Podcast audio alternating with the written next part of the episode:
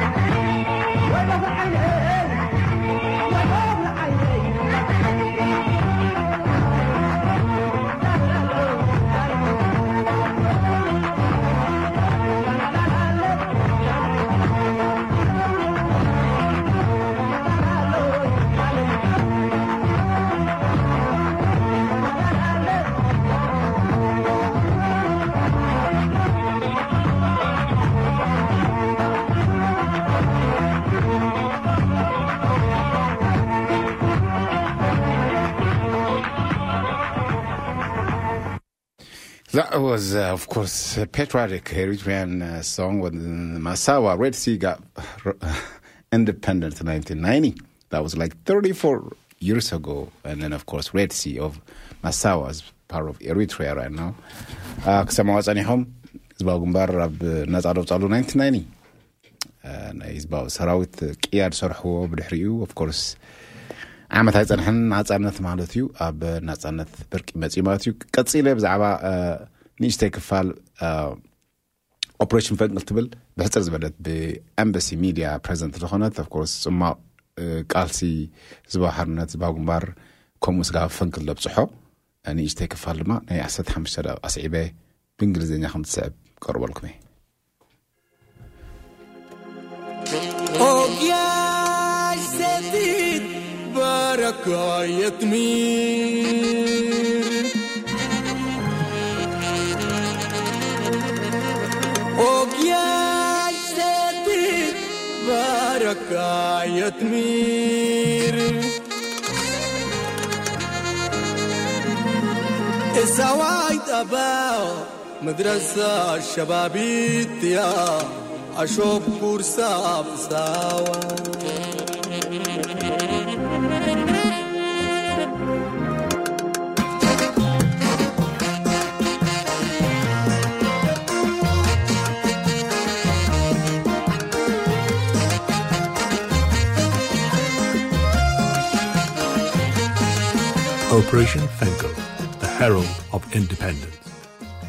with the month of february fast approaching than nearly upon us it can only mean one thing to eritreans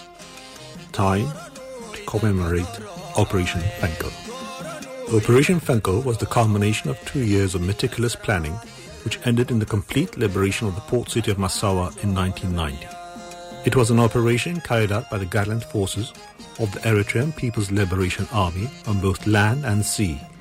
going down in the history of eritrea was one of the most outstanding milestones which marked the eritrean liberation struggle passing the point of no return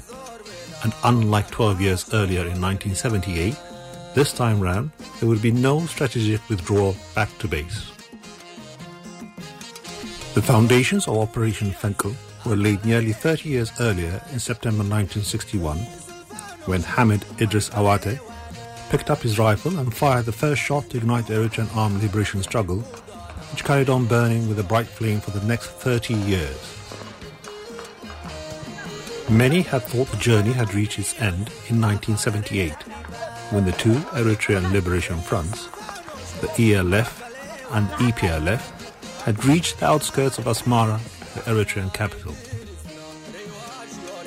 few had envisaged what would follow next in the history of the eritrean liberation struggle with the ethiopian government aligning itself with the former soviet union and as a reward receiving massive military support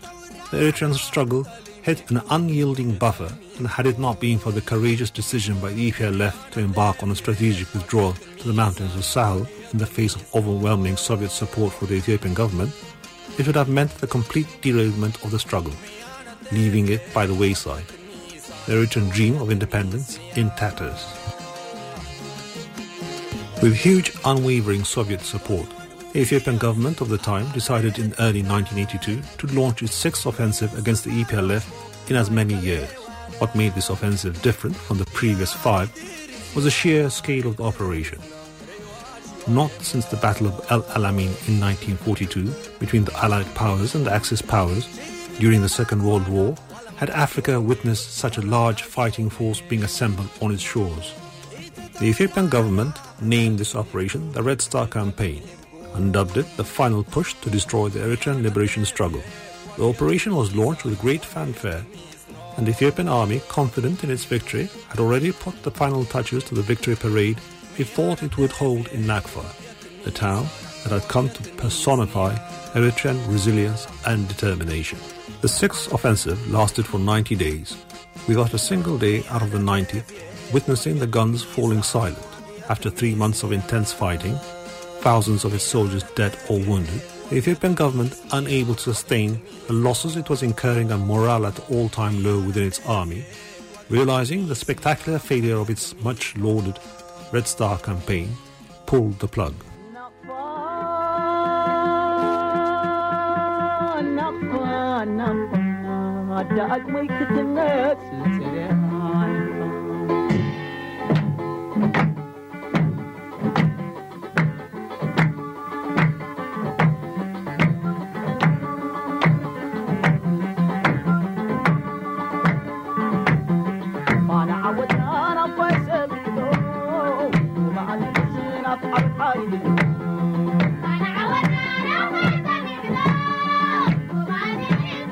ali of the sext offensive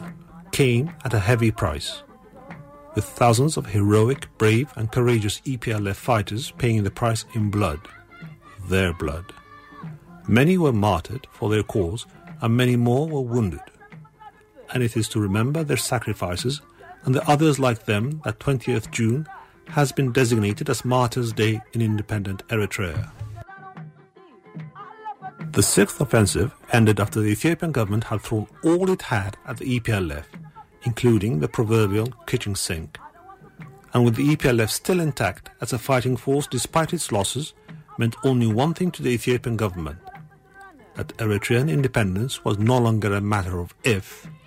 but of when the ending of the sixth offensive in failure was a stark reminder to the ethiopian government of it being served notice of the inevitability of the coming of eritrean independence whether it liked it or not two years after the sixth offensive in nineteen eighty four the eplf destroyed the ethiopian wookau command managing to capture a huge arsenal of weapons and the first high ranking ethiopian officer colonel girma tesemma to the ethiopian government of the time the destruction of its wookau command was a grim reminder that it was on the slippery slope to oblivion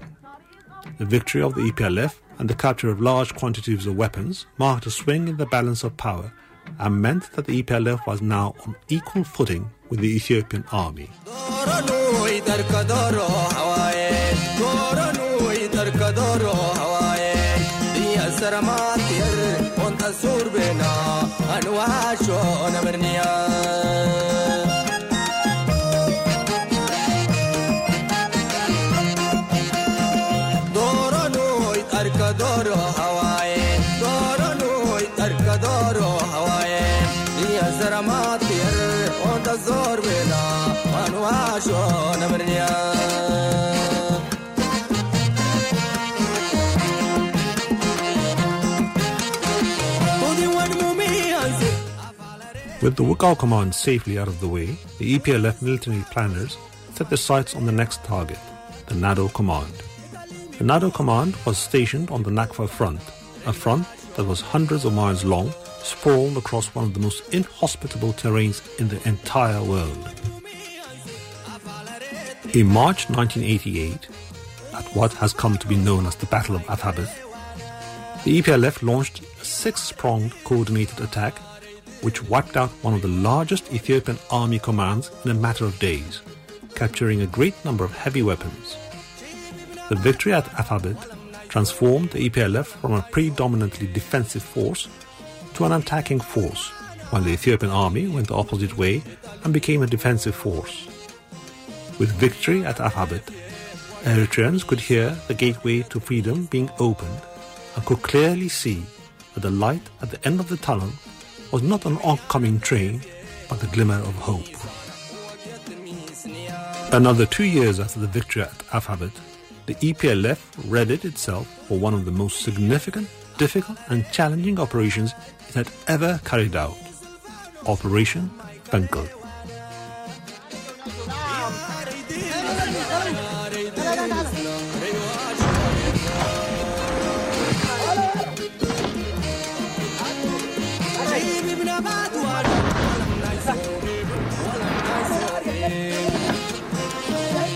wht made operation fenkel difficult was that it was both a land and seaborn operation with the eplf fighters not having much experience fighting at sea making the final victory even more remarkable the eplf had put aside its failed attempt to take over massawa thirteen years previously the eplf planners were all too aware of the cost of failure in nineeen seventy seven in the uneased that some of who rememberd the gruesome scenes of salina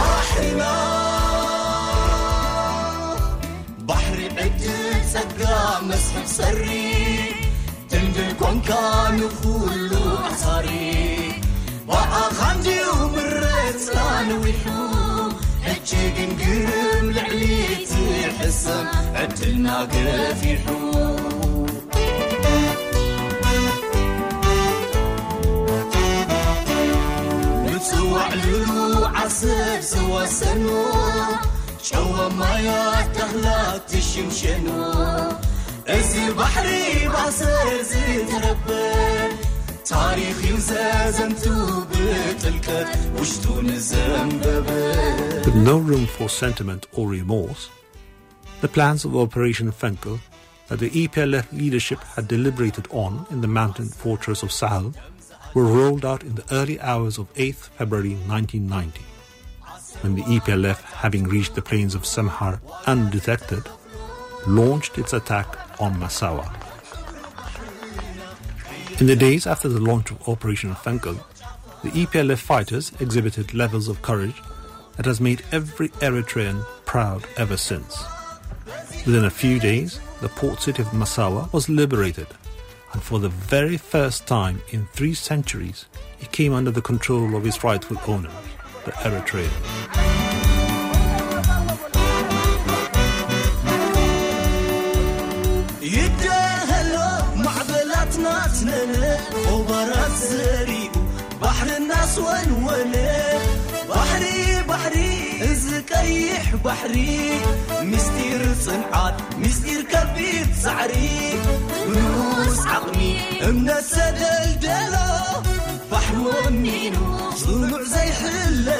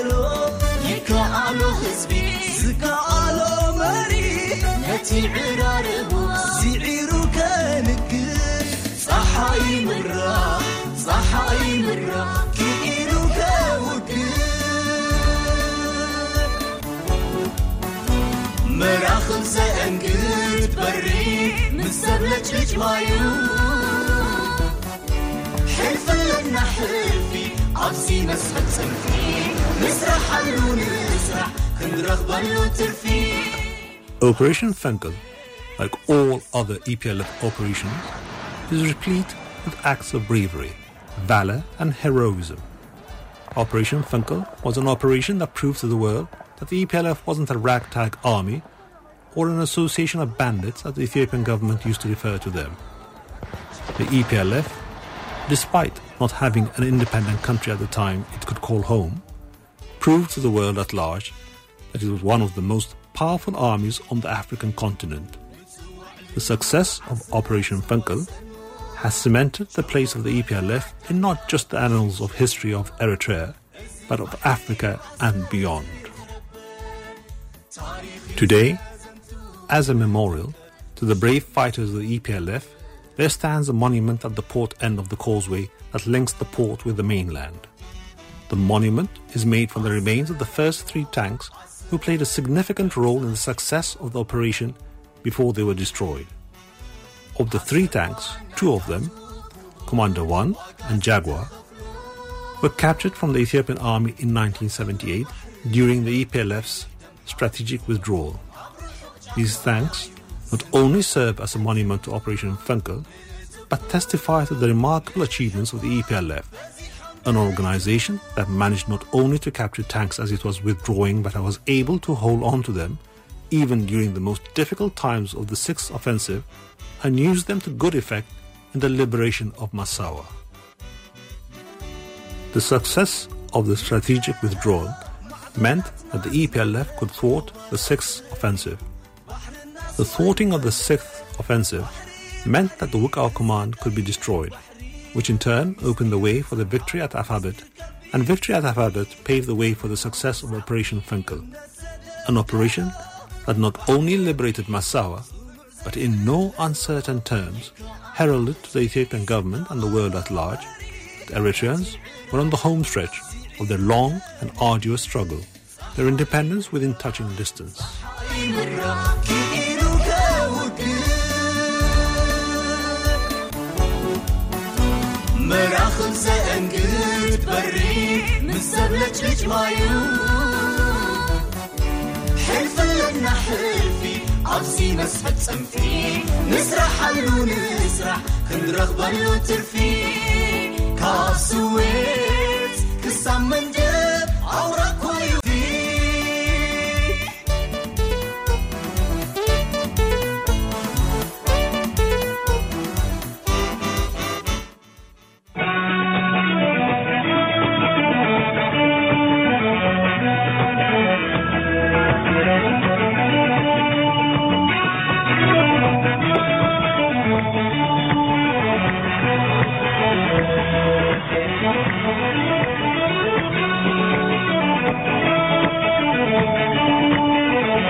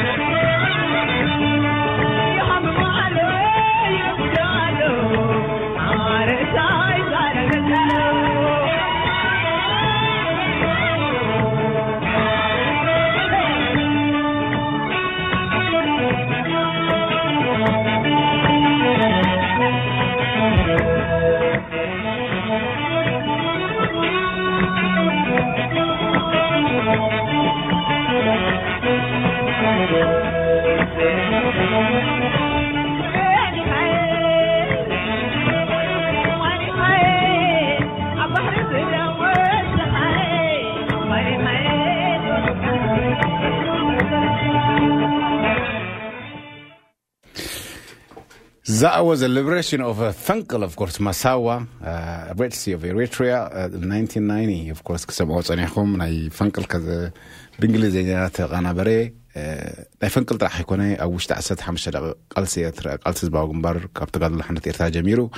ስጋብ ዓወታት ናይ ናደው ከምኡውን ባፅዕ ከምኡውን ሓራ ሙፃእ ኣስመራ ማለት እዩ ብሕፅር ዝበለ ክሰምዖ ፀኒሖም ሰለብሬሽን ኦፍ ኮርስ ኢንዲፐንደንስ ወይ ሊበሬሽን ናይ ማሳዋ ኦፍ ኮርስ 99 ኣብ ፌብራሪ እዩ ነይሩ እንኳዕ ኣብፀሓና እንዳበልኩ ቀፂለ ኣብቲ ዝሰራዕክዎ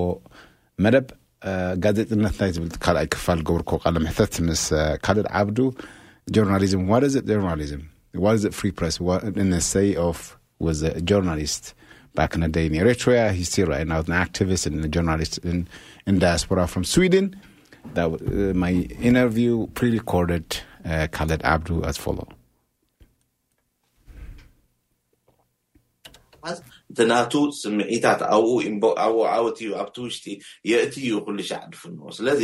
እስኻ ክትምነፊ ክትክእል ተደይ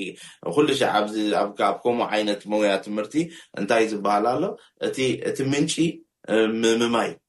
እቲ ምንጪ ሲ ሕጂ እንታይ ኢዩ መይን ስትሪም ሜድያ ዘይብልና ንብሎ ዘለና መይን ስትሪም ሜድያ ክብሃል ንክበቅዕ ሓደ ሕብረተሰብ እምነት ከንብረሉ ክኽእል ኣለዎ እምነት መሰንበረሉ እቲ ሕብረተሰብ ኣብቲ ስርሓቱ ከኣ ኣብ ነዊሕ ግዜ እቲ ሪፒቹዌሽን ናቱ ኮምፕሮማይዝ ዘይገበሮ ኣብ ትሕዝቶ ዜናታቱ ሓላፍነት ወሲዱ ናይ ሕብረተሰብ እምነት ተቐቢሉ ሕብረተሰብ እዚ ዝበሎ እዩ እቲ ቅኑዕ እንዳበለ ከኸደሉ ዝኽእል ሜድያ ክንፈጥር ኣይከኣልናን። ነዚኣ እዩ እቲ ስርሒ ኣብ ሃገርና እንተይልካ ደፍርሳ ኣብ ኩሉ ሃገራት እንተይልካ ከኣ ደፍርሱ ኣዚ ኣብዚ ኣብዛ ናትካ ሕጂ ዝጠቐስካያሲ ካብ ኣምጻኻዮ ካብቲ ሓደ ሕቶታተይ ዝነበረ እዩ እዚ ሜንስትሪም ሚድያ ትብሎ ዘለካ ሕጂ ብዙሓት ኣለዎ ኣብ ዳያስፖራ ዘለዋ ሚድያ ፀግዓዊ ኮይነን ዶ ሪፖርት ትገብራስ ዋላስ ፌር ዝኾነ ንሕብረተሰብና ለሰ ኣብ ኤርትራ ዘሎ ስርዓት ዊወል ነው ኣና ናይ ቶራይቶርያን ስርዓት እዩ ዘሎና ንዝኾነ ግን በቲ እተን ሚድያ ሲ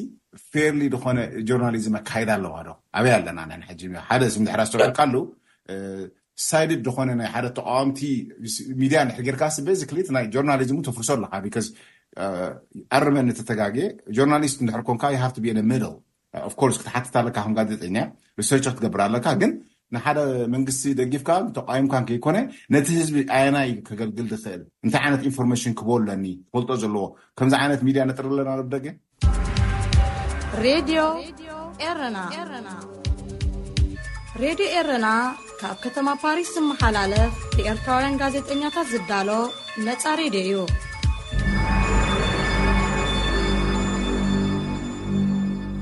ነየለና ስለምንታይ ምክንያቱ እቲ ዝበልናዮ እንታይ ድዩ ጋዜጠኝነት ወዲኦም ዝሕዝዎ ንዑ ነቲ ሞያ ዘለዉ ውሕዳት እዮም መብዛሕትኡ እቲ ናይ ጆርናሊዝም ትምህርቲ፣ እቲ ኤቲክ፣ እቲ ኣገባቡ ስርዓቱ ብግቡእ ተማሂርዎ ስለ ዘይመጸ፣ ወላ ክገብሮ እንተ ደለየ፣ እንታይ እዩ እቲ ዝገብሮ ኣይትፈልጥን። ሓደ ሓደ ግዜ እሞ ትስንብድ ኢኻ እኮ። ነቲ እትርእዮ ብ ሶሻል ሜድያ ሓደ ጋዜጠኛ ድላዩ ክሓተካ'የ ኢሉ ዘቕርብዎ ነገር ክትርኢ ከለኻ ዋእ! ዋላ ብፍላይ ኣብዚ ቀረባ እዋናት ከኣ በዓል ኢትዮጵያ ዝሪኦ ዘለኹ መንግስትን ሃገርን ሕግን ኣብ ጎኑ ከሎ ሰባት ብኢደ ዋኒኖም ጋዜጠኛታት ኢና ኢሎም ካሜራ ሒዞም ኣትዮም ኣብ ገዛውቲ ድገብርዎ ነገራት ክርኢ ከለኹ እዋእ እቲ ጋዜጠኝነት ካበይ ስጋዕ ኣበይ ድዩ ዝኸይድ ከምኡ እንተኾይኑ እሞ እቲ ሕጊ ደኣ እንታይ ክሰርሕ እዩ መንግስቲ ድኣ እንታይ ክሰርሕ እዩ ኢንቨስቲገቲቭ ጆርናሊዝም ከማን ኣብ ትሕቲ እቲ ሕጊ ኮንካ እኮ ኢኻ ናቱ ቅያዴታት እኮ ኣለዎ እዩ ነቲ ነቲ ኣንታጎናይዝ ትገብሮ ዘለኻ ኣካል እውን እኮ ናቱ መሰል ኣሎ እዩ ገለ ሕጂ ኣብ ከምኡ ዶ ኣለና ዝበልካዮ የለናን ዘይመሀለዊና ግን ሳዕቤን እዩ እቲ ጠንቂ እንታይ እዩ ሕጂ ረኣዮ ከም በዓል ኣልጀዚራ ዝኣኽላ ዓበይቲ ጋዜ ሜድያታት ሲ ኣብዚ ዝነበረ ናይ ዓረብ ስፕሪንግ ሳይድ ወሲደን ዶ ወሲደንወን ነቲ ለውጥታት ዓበይቲ ዋላ ስጋ ስጋ ሕጂ እዚ ናይ እስራኤል ጉዳይ ረኣዮ ዘሎ ክትዓት ናይ ፓለስታይን እስራኤል ዘሎ ኩለንተ ሜድያታት እቶም ጋዜጠኛታት ንመን ሳይድ ወሲዶም ክካትዑ ከለዉ እቶም ዝሕተቱ ንመን ሳይድ ወሲዶም ክከላኸሉ ከለዉ ኢኻ ትሰምዕ ስለዚ ኩሉ ሻዕ እቲ ሜድያ ኣካላት ከምቲ እቲ ስርዓት ኣብ ሃገርና ዘሎ ከንጸርጽር ከሎ ዝበሃል ነጻ ፕረስ ዝበሃል የለን ስቕ ኢልኩም ኣይተ በብድሕሪኡ ናቱ ኢንተረስት ግሩፕ ኣለዉ ናታቶም እዩ ዝሰርሕ ዝብሎ ናብ ከምኡ ዘኽይድ ነገር ኣሎ ምኽንያቱ ዳርጋ እቶም ዓበይቲ ናይ ዓለምና ሜድያታት ዋናታቶም ውሱናት እዮም ውሱናት ሰባት እዮም፣ ውሱናት ሃፋትም እዮም፣ እዚኣቶም ከኣ ወል ጽልዋ ናቶም ይፈጥሩ እዮም ኣብ ውፍቲ ሜድያ። ስለዚ ብዓለም ደረጃ ሙሉእ ነጻ የለን። ዳሕራይ ከምዚ ዲሞክራሲ እኮ እዩ። ዲሞክራሲ ሲ ውጹእ እኮ ኣይኮነን። ኢትስ እ ፕሮሰስ። ኣበየናይ ለበል ናይቲ ዲሞክራሲ ኣለኻ እዩ እምበረይ ኣብ ፖለቲካል ሳይንስ ሲ ፖለቲካል ሳይንስ ኣጽኒዐ ነይረ። ኣብኡ እንታይ ኣብ ሩል ኦፍ ሎው ዝብል ኮርስስ እንታይ ይብለካ ኣስለካ ዲሞክራሲ ሲ እቲ ቤስት ኦፕሽን ኣይኮነን። ካብቲ ዘሎ ዝሓሸ ስለ ዝኾነ ጥራሕ ኢዩ ሕብረተሰብ ዓለም ተቐቢልዎ ዝኸይድ ዘሎ ግን it doesn't mean እዚ ፊት ይገብር ንኹሉ ሓደ ካብቲ failure ዝነበረ ብ ናይ ኣሜሪካ ፎረይን ፖሊሲ እሱ ኢዩ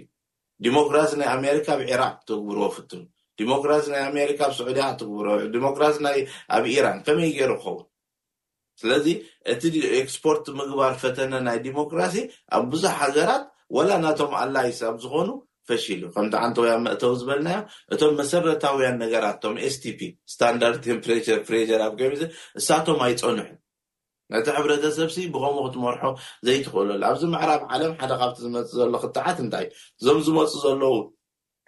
ሓደሽቲ ሕብረተሰባት ኣብቲ ሕብረተሰብና ውሽጢ ኣትዮም እቲ ዲሞክራሲያዊ ካልቸርና ተኸቲሎም ክኸዱ ይክእሉን እዮም እንዳበለ ብፍላይ ኣብዚ ኤውሮጳ እቲ ራይት ዊንግስ እናተዓወቱ ዝኸዱሉ ዘለዉ ነገራት ክትረኦ ካብ ኢስላሞፎብያ ኣሎ ናይ ወፃእተኛ ራሲዝም ኣሎ ገለ ብዙሕ ምክንያታት ኣሎ ስለዚ ነታ ሕቶኻ ብልክዕ ክመልሳ ኩለን ኩለን ማጆሪቱ ድሓን ንበል ከይንባኣስ ምስ ገለ ገሊኦም ማጆሪቲ ሜድያታትና ነፃ ኣይኮናን እዚ ግን ሳዕቤን ባይስ ኣሎ ኦኬ ኣብ ሃገርና ዘሎ ስርዓት እቲ ክንኮኖ ዝግባእ ንኸይንኸውን እዩ ጌርና እንታይ ማለት እዩ ወላ እስኻ ጋዜጠኛዊ ተራኻ ክትፃወት ኢልካ ከማን ክትከላኸለሉ ዘይትኽእል ስርዓት እዩ ስለዚ ማጆሪቲ እተን ሜድያታት መርገፂ ዝወሰዳ እየን ወይ መስቲ ስርዓት ኮይነን ነቲ ካልእ ኣንታጎናይዝ ዝገብራ ወይ ከኣ ኣንጻርቲ ስርዓት ኮይነን ህዝቢ ኣብ ጎነን ከሰልፋ ዝጸንሓ ሕጂ በየን ኢኻ ትዕቅን ንስኻ ነቲ ስርዓት ኣንጻሩ ኮይነን ህዝቢ ክኸስባ ፈቲነን ህዝቢ እንዳኸሰባ ዝኸዳ ዘለዋ ህዝባውያን ኢና እየን ዝብላ ነጻ ኢና ኣይኮን ህዝባውያን ኢና ህዝባውያን ማለት ህዝቢ ዝምውለና እዩ ጥራይ ህዝባዊ ሜድያ ማለት ሲ ህዝቢ ድውንኖ ክበሃል ከሎ ህዝቢ ፋንድ ይገብረና ዊ ኤግዚስት ህዝቢ ፋንድ ይገብረናን ዊ ዲስኣፒር ስለዚ ናይ ህዝቢና ዓይነት እዩ ዝባ ግን እቶም ኣዳለውቲ እቲ ራእዮ እንዶ ብዚ ሓደ ካብቲ ዓቢ ሜድያ ናይ ሃገርና ኣብዚ ድዲያስፖራ ኣብ ኤሬሳት ኣጋጢሙ ዝቐነየ ነገር እንዶ ራእዮ ስለዚ ካብኡ ንላዕሊ የለን ኣብነት ምክንያቱ ንሕና ህዝቢ ኢና ናይ ህዝቢ ሜድያ ኢና እንዳተባሃለ ከሎ ገለ ውሱናት ሰባት ከኣ ቦርድ በሎም ዋላ ገለ በሎም ከኣ እሶም ከኣ ስጋዕ ኤግዚስተንስ ናይቲ ትካል ኣብ ሓደጋ ዘእቱ ነገር ውን ክውስኑ ይክእሉ ስለዚ እቲ እቲ ንምንታይ እቲ ዘካትዐ ነጥብካ ኣብዚ ክንኣቱ ይግመበኣናን እዩ ኣብዚ ይግበኣና እዩ ንምንታይ ናብዚ ከድኩም ናብ ብርጌድ ንሓመዱ ትጸርዩ ኣለኹም ገለ ዝዓይነቱ ክትዓት ኢካ ትርኢ ስለዚ እዚ እቲ ነጻ ክንኮነሉ ንክእል ኩነታት የለን ከም ንሕና ብፍላይ ብፍላይ ኣብ ኤርትራ ወላ እቲ ሞያ ጋዜጠኝነት ተኸቲልካ ክትከይድ እንተፈቲንካ ንዕኡ ዝሕግዝ ኩነታት የለን ምኽንያቱ ከምኡ ዝገበሩ ዜጋታትካ ኣብዚ ኣለዉ ከይተባህሉ ጠፊኦም ወላ ውን ኣብ ሃገር ኮይኖም ከም ነጻ ኣብ ሃገር ኮይኖም በቲ ሪስትሪክሽንስ ዊጅ ዝኮማን ነጻ ሜድያ ክሰርሑ ዘይፍቀድ ብምካኑ ጠቅላላ እዚ ኣክቲቪዝም እዩ ደኣ እምበር ጆርናሊዝም ኣይኮነን እዚ ዝካየድ ዘሎ ስለዚ እቲ እቲ ናትና ሜድያ ኣብ ኣክቲቪዝም ዘተኮረ ኣብ እዩ ኣብ ማለት ኣክቲቪዝም ሶ ኣባር ኣብዚ ኣብ ህዝብናስ እንታይ ዓይነት ትምህርቲ ንንዝሕ ኣለና ማለት እዩ ሕጂ ኣብ ሚድያ ተካፊሉ ዘሎ መ- መንእሰይ ኣብ ዳያስፖራ ዘሎ ብዙሕ ሰብ እንድዩ ብተፈላለየ መገዲ ኦፍኮርስ ተወሰና እየን ናይ ጆርናሊዝም ስራሕ ክሳብ ሓደ ፍትና ግን ከምዚ ዝጠቐስክዎ ሕጂ ኮሬክት ሚ ኢፍ ኣም ሮንግ ወይ ኣርመኒ ክላል ኣይከኣልኩን ሕጂ ካብቶም ሓደ ንዓኻ ድሮ ኣውሓካ ክትዛረብ ከለኻ ብዛዕባ ሚድያ እቲ ግደ ናቱ እንታይ ክንደይ ይጻወት ባየስ ክኸውን ደዩ ከም ደይብሉ ኦፍ ኮርስ ኩሉ ሰብ ከም ዝጠቐስካዮ ዋላ እተን ዓበይቲ ቢቢሲ እተን ዓበይቲ ትካላት ኣለወን ግን ቁልዕ ዝኾነ ኣይኮነን ኣባና ኣብ ሳልሳይ ዓለም ክንሪኦ ከሎና ግን ቅሉዕ ዝኾነ ወይ ነቲ ኣንጻርቲ ስርዓት ትኸውን ወይ ከኣ ደጋፊ እቲ ስርዓት ትኸውን። ሕጂ ነቲ ተርፍ ነቲ ህዝብኻ እንታይ ትምህር ኣለኻ እንታይ ዓይነት ኢኻ እትገድፈሉ ዘለኻ ተረዲእኻኒ በሃላይ ጽባሕሲ እወ ግን እወ ኣለኹ እንዴ ብሓደ ግን እንታይ ሓዘኒ መስለካ እወ ቅድም ናብ ንቡር ክንወስዶ ኣለና ህዝብና እዩ እቲ ደሎ ናይተን እወ ሚድያ ጽቡቕ ኣላ ኣብዛሕተን ኦኬ እንታይ ማለት እየ እወ ቢቢሲ ገለ እንተልና ኣትሊስት ሓደ ፋንክሽናል ዝኾነ መንግስቲ ኣለዎ። ብቕዋም ዝመሓደር ገለ ንመንግስትስ ወረግ ኣይጥምትዎን እዮም ሓደ ዴፓርትመንት ናቶም ትካል ኢንቨስቲጌቲቭ ጆርናሊዝም ብናይ ፖለቲካውያን ዝገበርዎ ከም ዎች ዶግ ገይሩ ዶ ኾን ይከታተሎም ይኸውን ንዕኦም እምበር ናይ ካልኡ ናይ ካልእ ዓለም ዘሎ ነገራት ሕጂ እቲ ሳይድ ምውሳድ ዝበሃል ኣበይ ንኣብነት ኣብዚ ናይ ፓለስታይን እስራኤል ኮንፍሊክት ሕጂ እተን ዓበይቲ ሜድያ ትብለን ዓለምና ሳይድ ወሲደን ክዛረባ ከለዋ እቲ ኣርጊመንት ከቕርብኦ ከለዋ ገለ ክትርኢ ከለኻ እንታይ ትብል ኦኬ ስለዚ እዞም ሰባት እዚኦም ፍልይ ዝበለ ኣብኡ መፅዩ ኣብቲ ሜድያ ትሰርሕ ፍልይ ዝበለ ካብቶም ናይቲ ማጆሪቲ ዝተፈልየ ተመፅዩ ስጋዕ ናይ ዘይምፅዋር ነገር ትርኢ ኢኻ ስለዚ ኣባና እሞ ግደፎ ናብኡ ይቀረብናን እንዲና ምክንያቱ እቲ ከምኡ ክንገብር ክንክእል ኣብ መስርሕ ምፍጣር ኢና ዘለና ጽባሕ ንጎሲ ዝኩሉ ኣክቲቭ ደሎ ብ ጆርናሊዝም ጆርናሊዝት ኣይኮነን ስለዚ ጆርናሊስት ኮይኑ ዘይኮነ ኣክቲቪስት ኮይኑ እዩ ዝከይድ ኣክቲቭ ዝካየድ ዘሎ። ሓደ እሱ ካልኣይ ከኣ ክርሳዕ ደይብሉ እንታይ እዩ ካብቲ ኤቲክ ከኣኒ እቲ ኤቲክ ናይ ጆርናሊዝም ምሉእ ኮርሲ ሰሚስተር ምሉእ ትመሃሮ እዩ ኦኬ ሲናርዮስ እንዳገበርካ ተጽንዖ እዩ እዚታት ከይገበረ ግን ሎሚ እቲ ሶሻል ሜድያ ከኣ ምስ እቶት ስለ ዝተኣሳሰር ዘሎ ከኣ ከመይ ጌርካ ሞር ኣቓልቦ ሰባት ትስሕብ እምበር እንታይ ተሕልፍ እንታይ ትሕዝትኡ ኣይኮነን ከምቲ ኩሉ ሻዕ ዝብሎ መንእሰያትና ረኺብካ ገለ ክተማኸሮም ኮለኻ ወል ባዕሉ እቲ ናይ ቲክቶክ ሲናርዮ ዓቢ ምስክር እዩ እንታይ እዮም ድብሉኻ ወል ዘረባኻ ጽቡቕ ነግር ቁምነገር ተብዝሕ ኮንካ ብለካ እዚ እንታይ ማለት እዩ ንክርዳእካ ካብ ቁም ነገር ውፅእ ዝበለ ናይ ቲክቶክ ዓይነት ክኸውን ኣለዎ ኣፕሮችካ እምበር ዩቲዩብ ከማን እኮ ሕጂ ናይ ዕድመ ዝደፍኡ ሰባት እዩ እንዳኾነ ከይዱ ማለት ዳኸኝ ዘሎ ጀነሬሽን ዩቲዩብ ምስ ጀነሬሽን ቲክቶክ ክረዳድኣሉ ዘይክእል ኩነታት እዩ ኣነሲ ምኽሪ ንመንእሰያት ዝብል መደብ ሓደ ኣለኒ ጣዕሞት ዝበሃል መደብ ኣዎ ኣለኒ ሕጂ ኣዎ እቲ ጣዕሞት ኣብ ዩቲዩብ ምስ ፈነኽዎ ተረኣኽዎ እዚኣ ገዲፍካ ገለ ገለ ኣርባዕተ ሽሕ መንእሰያት ጥራሕ ገለ ይርእይዎ ሕጂ ኣብ ኤዲተራት ኔረና ንርቲ ኦፊስ ምሳይ ዝሰርሓ ኢራናውያን እንታይ ይብላኒ ኻልድ እዚ መንእሰይ እኮ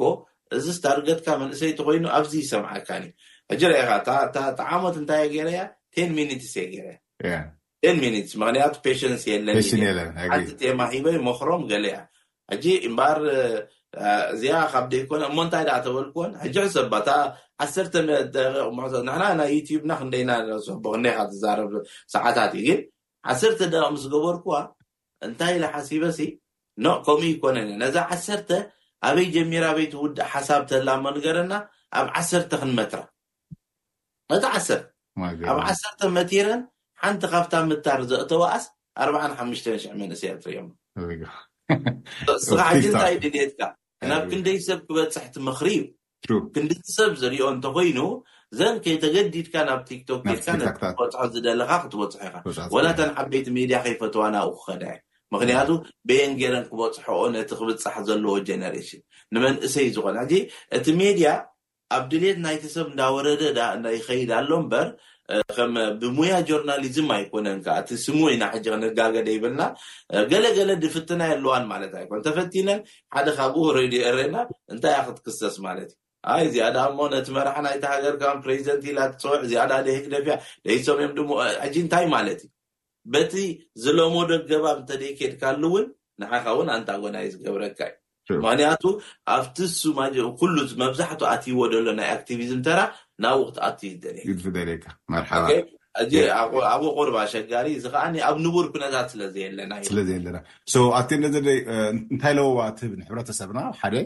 እቲ ሕብረተሰብ ክመሃረን ወይ ከኣ ክድህቦ ዘለዎ ከምኡ ድማ ከም ምሻለካ ሲኒየር ጋዜጠኛ ብዙሕ ዓመታት ዘገልገልካ ነዚ ኣብ ማስ ሚድያ ዝኸይድ ዘሎ ሕጂ ወይ ዝንቃሳቀስ ዘሎ ዝተፈላለየ ኣብ ዳያስፖራ ዝርከብ ኤርትራዊ እንታይ ምበልካዮ ነዚ ዓይነት መገዲ ንህዝብና ትምህርታዊ ዝኾነ ናይ ፍሪ ፕረስ ከምጽእ እንድሕር ኮይኑ እንታይ ዓይነት መደባት ከምጽእ ኣለዎ ወይ እንታይ ዓይነት ምኽሪ ትህቦ? ኣብዚ ሃርሞኒ ሜድያ ዝበሃል ኣለና ኣብ ሽወደን ነቲ ሕብረተሰብ ብዛዕባ ዜናታት ሽወደን ኤውሮጳን ሓፈሻዊ ነቕርበሉ ኣነን መሓሪ ኣብርሃም ዝበሃል ብጻየይን ካልኦት ብዙሓት ብጾትና ከኣ ምሳና ኣለዉ ኣብዚ ምስ ጀመርና እንታይ ኢልና ውስናት ንሕና ጥራሕ ኣብቲ ኦፕራቲቭ ፓርት ባዕልና ኣብቲ ምምሕዳር ባዕልና ኣብቲ ናይ ደገ ርክባት ኣይከውንን እዩ ንኣሽቱ መንእሰያት ከነሰልጥን ኣለና ምስ በልና ናይ ኮርሲ ዕድላት ኣውጺእና ከባቢ ዕስራን ገለን ሰባት ጀሚሮም ድሕሪ ምጽራይ ምግባርና እንታይ ኢና ጌርና ኣብዚ ዓዲ ናብ ማስተር ዲግሪ ብጆርናሊዝም ክትገብር ዝመጸት ሓፍትና ኔራ ዝሁር ዝበል ዝሁራት መሓመድ ትበሃል እሳ ብስነ ስርዓት ቅድሚ ሕጂ ከኣ ናይ ዩኒቨርሲቲ ዲን እያ ኔራ ኣብ ዩኒቨርሲቲ ከኣ ጆርናሊዝም እያ ትምህር ኔራ ሓደ ማስተርስ ዲግሪ ኔርዋ ኣብ ኢትዮጵያ ኣዲስ ኣበባ ዩኒቨርሲቲ ኣብዚ ብ ሽወደን ከኣ ማስተርስ ብጆርናሊዝም ካልኣይ ጌራ ስለዚ ዓውዳ ስለ ዝኾነ ትምህርታ እዚ ስለ ዝኾነ ብስነ ስርዓት ማተርያል ኣዳልያ እቲ ብ ኣብ ኮርስስ ኣብ ዩኒቨርሲቲ ጆርናሊዝም ዋን ኦ ዋን ኢልካ ዋላ ሕዞ ሕዞ ኣቦሞ ዓይነት በይዚክ ኢዲኬሽን ጀሚርና ክነብሩ ኣብኡ ሽዑ ክትዓት ይለዓል እንታይ ማለት እዩ እስኻ ኒቱራል ክትከውን እንታይ ማለት እዩ ምንጪ ሓበሬታኻ ከመይ ይኸውን ደለዉ ሕጂ ብኡ ምስ ረኣኻዮ ትብል መብዛሕቶም እዞም ኣክቲቪስት ዘለዉ እውን ፅባሕ ንግሆ እቲ ሶሻል ሚድያ ዘምፆ ኣሉታውን ኣወንታውን እሳም ዝፃወትዎ ትሪኦ ኣለኻ ከመይ ፖላራይዜሽን ይፈጥር ኣብ ሕብረተሰብና ኣሎ ፅባሕ ንግሆ እቲ ሓደጋ ከይዓቢ ምእንቲ ንብሙሉኦምሲ ይሓስብ ሓደ ሓደ ግዜ ከምኡ እብል ንብሙሉኦምሲ ከምዚ ክራሽ ኮርስ ወርክሾፕ ዓይነት ዶ ምሃብ እንተዝከኣል ፅውዕ ኣቢልካሲ ካብ ገበርኩሞ ካብ ሓዝኩሞሲ ወላ እኳ ዩኒቨርሲቲ ኣቲኹም ጆርናሊዝም ኣርባዕተ ዓመት ኣይተፅንዑ ግን እቲ ቤዚክ ክትርድእዎ ሲ ኢልካ ሓጸርቲ ትሬኒንግ ኮርስስ ምሃብ ዶ መድለየ ይብል ምክንያቱ ኣትሊስት ተን ቀያሕቲ መስመራት ተፍልጦም እንታይ ማለት እዩ ከሕትቶም ዝኽእል ነገር እንታይ ኩሉ እዚ ሶሻል ሜድያ እኮ ዱስ ኤን ዶን ዱስ እኮ ኣለዎ ግን ብትግርኛ ስለዝኾነ መን ተርጉም ይብፅሓሎም ስለዚ እምበር ቅንደይ ምተዓፅዋ እኮ ሰቦ እሞ ንሕብረተሰብ ምሉእ ኣብ ሜድያ ወጺኡ ፎርኖ ከነእትወኩም ኢና ክብል ሓደ ሰብ ታይ ማለት እዩ ማለት ፍሪ ሓንቲ ሓንቲ ኩልሻዕ ዝብላ ቀይሕ መስመር ናይ ፍሪ ፕረስ ኩልሻዕ እንታይ እያ ነይራ ነቲ ናይ ሆሎኮስት ዲናይ ምግባር እዚ ኣብ ዝኾነ ዩ ምዕራብ ዓለም ኣብ ሜድያ ይፍቀደካ ኦኬ ኩልኩል እዩ ብሕጊ ሕጂ ንሓደ ከምኡ ዘጋጠመ ብከምኡ እንዳተኸልከለስ ገና ብድሕር ሕጂ ካልእ ሆሎኮስት ክፈጥር መጺ ሜድያ ሓደ ዛረብ ገለ ሕጂ ግን መን የብጽሓዮ ነዚ ሕጂ ኣሪኻ ቆጺርካ ዎችዶክ የብልናን ከማን ንኩለን ሜድያታት ጠሚቱስ ገለ ኢንተረስት ጉሩብ ኣኪቦም ከማንሲ ብእንግሊሽ ተርጉምካ እዚኦም ከም ዝብሉ ኣለዎ እዚ ሜድያ ናትኩም ፕላትፎርም ኣብ ሓደ ሕብረተሰብ ጽባሕ ንጎ ሓደጋ ኣብነት ኣለና ኖ ናይ ሩዋንዳ ናይ ቱትን ሁትሲን ስለዚ ካብኡ ርኢኻ ገለ ቀያሕቲ መስመራት ኣብቲ ኣብ ኣክቲቪዝም በሎ ብ ጆርናሊዝም በሎ ኣብቲ ሜድያ ሶሻል ሜድያ ወጺኡ ስጋዕ ዘቐርብ ዝሃለወ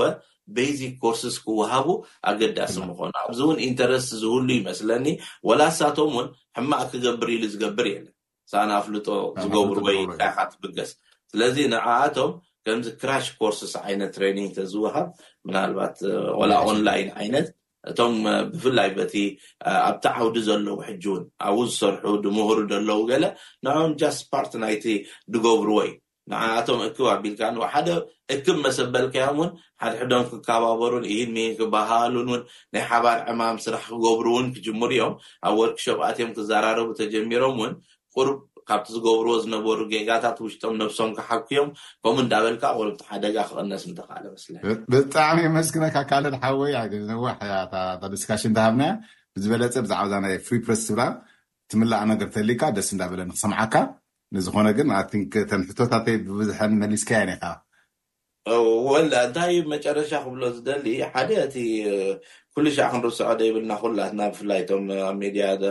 መደባት ተቕርቡ ዘለኹም ከም መእተውን መውጽእን መደባትኩም ከማን ተትገብርዎ ነቲ ብ ኤርትራ ዝተፈተነ ነጻ ፕረስ ሕብረተሰብ ኤርትራ ኣዌር ክኸውን ገለ ኢሎም ንእስነቶም ከፊሎም ኸይወለዱ ኸይዘመዱ ተሪፎም ደለዉ ቁልሻዕ ኣነውን ባዕለይ ክገብሮ ዘለኒ ኣብ ዓመት ሓንሳብ ጥራሕ ምዝካሮም ደይኮነ ትሓዝን ኢኻ ክዝክሮም ከለኻ ውሽጥኻ ኣነ ውን ኣብኣ ምስኦም ክህሉ ክእል ነይረ እንድየ ሕጂ እዚኣ ኩሎም እግረ መንገደይ ንኩለን ሜድያታት ነዚ ኣብቲ መዓልቲ ከይሓለዋ ኣብ ሽወደን እየ ዝነብር ኣነ ዳዊት ኢሳቕ ሽወደናዊ ዜግነት ስለ ዘለዎ ናይዚ ዓዲ ዝዓበያ ጋዜጣታት ክንድዚ መዓልቲ ጌሩ ኣሎ ሓሙሽተ ሽሕን ክንድዚን ዓሰርተ ሽሕን ግንን መዓልትን ጌሩ ኣሎ ካብ ድእሰር እንዳበላ ስእሉ ጌረን ኣብ ላዕሊ መዓልታዊ የውጽኦ እዚ ሕጂ ህዝቢ ኣይትረስዓዮ እቲ ተኸፈለ ዋጋ ነዚ እዩ እዩ ስለዚ እቲ ሜድያታት ኩሉ ኣብ መእተዊኡን መውጽኢኡን ነዚኦም እንዳዘከረ እንተዝኸይድ እቲ ሕብረተሰብ እውን ምክንያቱ እስኻ ነብስኻ ኣብ ቦትኦም ኣቕሚጥካ ክትሪኦ ከለኻ ኣብኣ እንተዝነብርሲ ክርሳዕ ድየ በቃ ከምዛ ጠፊኦምና ደለው ክንደይ ለባማትን ህዝቦም ክሕግዙ ኢሎም ኣይወለዱ ኣይዘመዱ ደቆም ስድርኦም ኣይቀበሩ ደቆም ኣይረኣዩ ተሪፎም ኣለው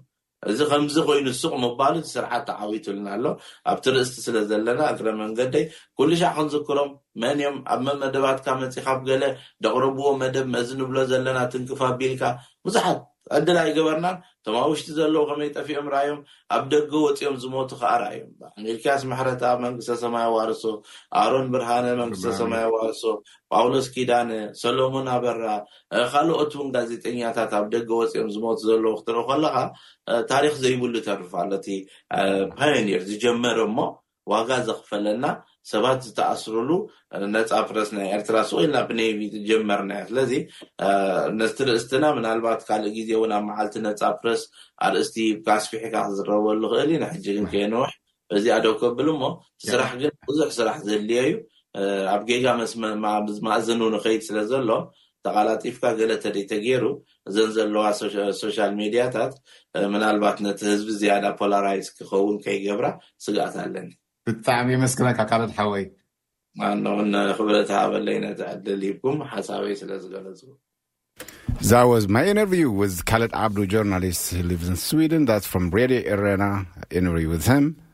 ሰሞ ጸኒኹም ብዛዕባ ፍሪ ፕረስ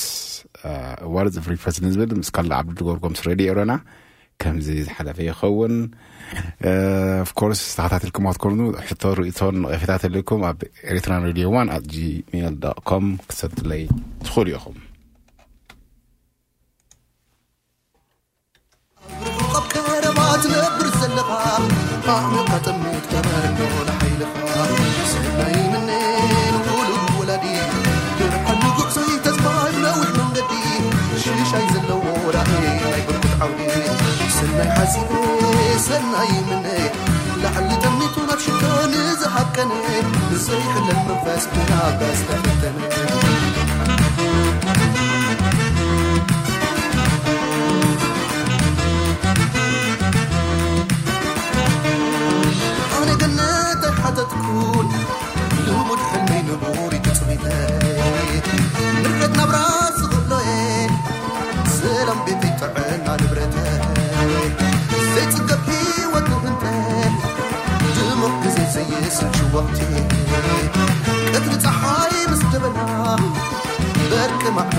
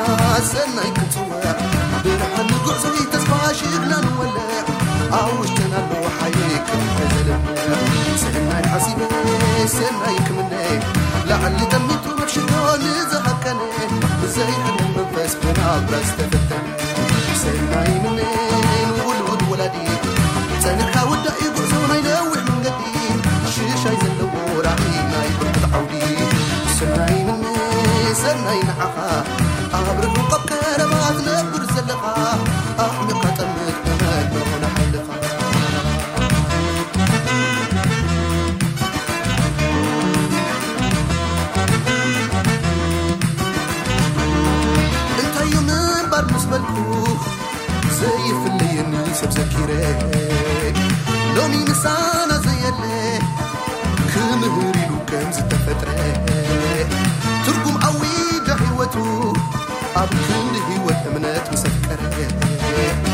ምንባር ንመን ክግብኦ ምስ ሕመቐይ ካብኡ ተማሂረ መቸም ናይ ኣብርሃም ኣፍርቂ እናሓደርካ እንዲኻ ትፈትዎ እዚኣ ምንባር ትብል ኣፍኮርስ ኣብቲ ናቱ ዌብሳይት ማዕቢላ ዶ ወፀት እያ ኩሉ ደርፍታቱ መቸም ብጣዕሚ ደስ ዝብል ዋላ እቲ ህርመታቱ እቲ ግጥምታቱ was an artist of course well ናይ ሎም መደብና ኣብዚ ይዛዘም ነዚ መደብ ንታርኩም እናመስገንኩ ኣብ ዝመሰሉ ዘህንበስ ካብ ንራኸብ ሰላም መዓልቲ ይመነልኩም ኣጆኺ